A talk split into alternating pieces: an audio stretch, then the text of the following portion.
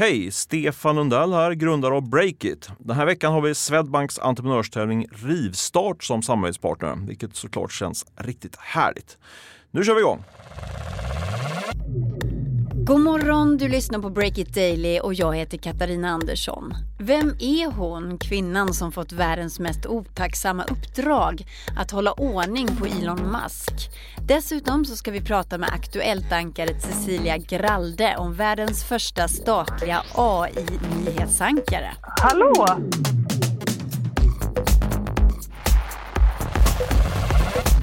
Det är fredagen den 8 november. Det är mörkt, kallt och eländigt. Och många med mig hatar den här tiden på året passionerat. Så nu kör vi en liten gruppövning. Luta dig tillbaka, slut ögonen, dröm dig bort. Summer breeze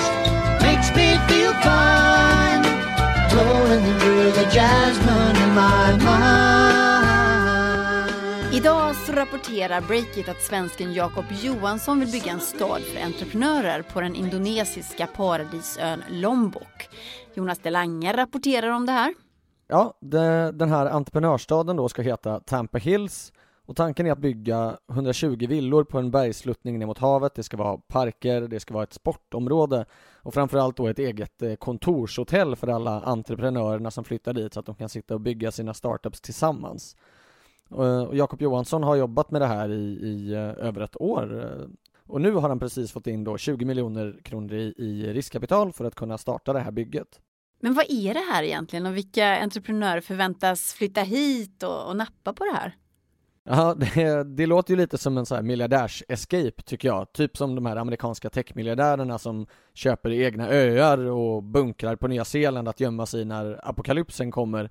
Men, men så är det inte, intygar då Jakob Johansson som är, är grundaren här. Utan han har liksom den motsatta ambitionen att de ska vara med och utveckla hela regionen. De, de eh, bygger ju förvisso lyxvillor men de vill ändå vara med som en del av lokalsamhället liksom och inte bli ett gated community. Eh, så det senaste året har de anställt eh, ett 30-tal personer från närområdet och de planerar att använda lokalt virke för att bygga husen och lokala material. Eh, och de satte faktiskt precis första spadtaget i jorden för den första villan. Och långsiktigt då så är tanken att det här företaget ska tjäna pengar på uthyrning av kommersiella fastigheter, alltså typ restauranger och, och platser på det här kontorshotellet och så. Men är det här egentligen en bra miljö för entreprenörer? För själv så tänker jag som svensk att varje gång som man ser havet och solen så tror man ju att det är semester. Så risken finns, tänker jag, att det inte blir några bolagsbyggen utan bara glassliv här på den här ön. Ja, man kan ju, man kan ju tänka det. Alltså intentionerna här verkar goda och satsningen verkar ju seriös och välplanerad och så. Men tiden får väl visa om det går att bygga några miljardbolag där. me feel fine, blowing through the jasmine. Från paradiset till Tesla. För igår så blev det klart att Elon Musk som petats som styrelseordförande för elbilstillverkaren ersätts av Robin Denholm. Hon lämnar sitt jobb som finans och strategichef på den australiensiska teleoperatören Telstra. Och Dunham har alltså nu fått uppgiften att hålla styr på Tesla-grundaren. Adult supervision brukar man ju snacka om i eh, USA. Tove Boström, reporter på Breakit. Vad tänker du? Ja, uppgiften att hålla koll på Elon Musk eh, verkar ju vara allt annat än enkel om vi uttrycker oss så. Mm. Eh, som bekant för många tror jag så tvingades han ju bort från ordförandeposten ganska nyligen. Det var den amerikanska finansinspektionen som fick nog. Och det kom ju då efter den här eh, kända tweeten där han meddelade sina planer på att ta Tesla från börsen. Vilket det. det då inte blev någonting av. Men det här har ju fått konsekvenser. Men vem är hon då, den här eh, Robin Denholm? Hon slutar nog på den här eh, australiensiska teleoperatören Telstra. Telstra. Telstra. Det är nästan Tesla. Ja, snarlikt, snarlikt. Eh, nej men hon, eh, hon har varit där väldigt kort men däremot så är hon ju inte någon nykomling i, i Tesla. Hon har ju suttit i styrelsen sedan 2014. Och eh, ja, om man ska tro på kunniga så eh, är hon väldigt kompetent och stor erfarenhet av bil och techbranschen. Och sen kan man ju också anta att hon har ganska god koll på Elon Musk och är ganska van vid hans turer vid det här laget. Mm. Men jag tänker så hon sitter i styrelsen och har varit där med honom i, i, fyra år och det är just henne man väljer. Och det tycker jag verkar lite märkligt för att tanken med det här att byta ut Musk var ju att skydda Tesla mot hans twittrande kan man ju säga. Och, och, nu väljer man henne då som ingår i hans ganska nära krets. Det låter nästan som att man väljer en förvaltare för Elon Musk får ju komma tillbaka om, om tre år så får han ju söka sig till den här ordförandeposten igen. Så tror du att man har valt någon bara för att eh, hon ska sitta där i tre år tills han kan komma tillbaka igen? Eller kan hon verkligen göra någon skillnad? Ja, så, så kan man absolut tolka det, men det återstår väl att se. Ja men i alla fall så är hon inte känd för att twittra lika mycket som, som Elon Musk. Istället så har hon väldigt många gånger pratat om eh, vikten av mångfald i bolag. Alltså att hur olika idéer från olika människor skapar innovation. Och så här sa hon en gång i ett föredrag. If you've got the same background and the same thinking, you'll normally try and solve the problem the same way. But I have fundamental belief that if you put different people with different experiences around the table, you actually can create something different, a different outcome. Vi på Breakit är stolta över att så många redan upptäckt vår podd och att våra lyssningssiffror stiger. Men vi vill ha fler lyssnare och för att kunna fortsätta köra den här podden efter jul så ber jag dig snälla sprid Breakit Daily i dina flöden. Tipsa din familj, dina vänner, dina ovänner och kollegor och också lyssna och prenumerera på oss. Det är tack vare våra sponsorer som vi kan göra den här podden och därför så ber jag dig att lyssna på det här meddelandet. Hallå, hallå! Stefan Lundell här, medgrundare på Breakit. Den här veckan sponsras vi av Volkswagen Touareg.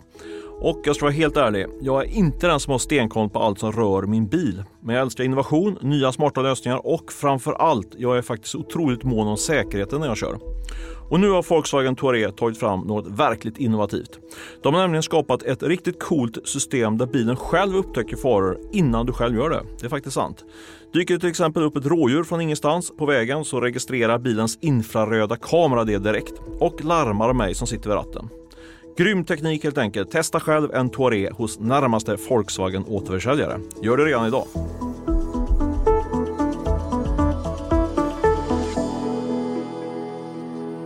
Hello, everyone, I'm an English artificial intelligence anchor. This is my very first day in Xinghua News Agency. I will work tirelessly to keep you informed as texts will be typed into my system. Kinas statliga pressavdelning har skapat ett AI-nyhetsankare.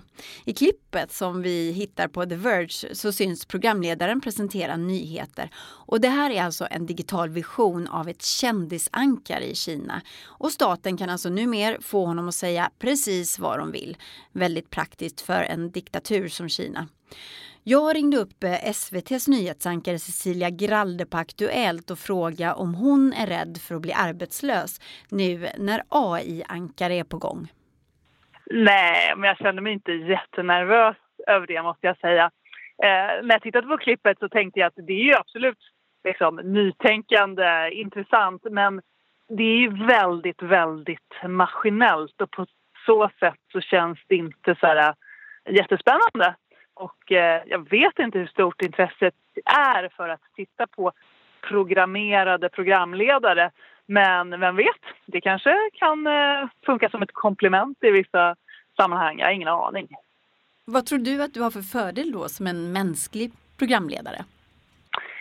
Det man vet är ju att eh, människor tycker om att titta på verkliga människor. Publiken älskar när vi är mänskliga när vi inte är maskiner. Så det tror jag nog ändå är en fördel. Det behöver inte vara perfekt jämt. Nej. Ser du några faror med den här utvecklingen? För det här AI-ankaret bygger ju på en verklig programledare som man alltså har manipulerat bilden av. Vad tänker du om det? Teknik är ju alltid så att det beror på hur man använder det förstås.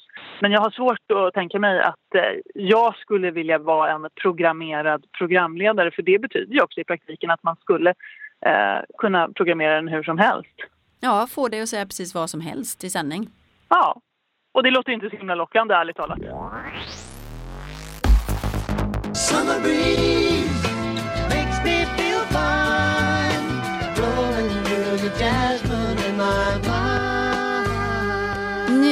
Har Break It Daily helg. Vi är tillbaka på tisdag igen.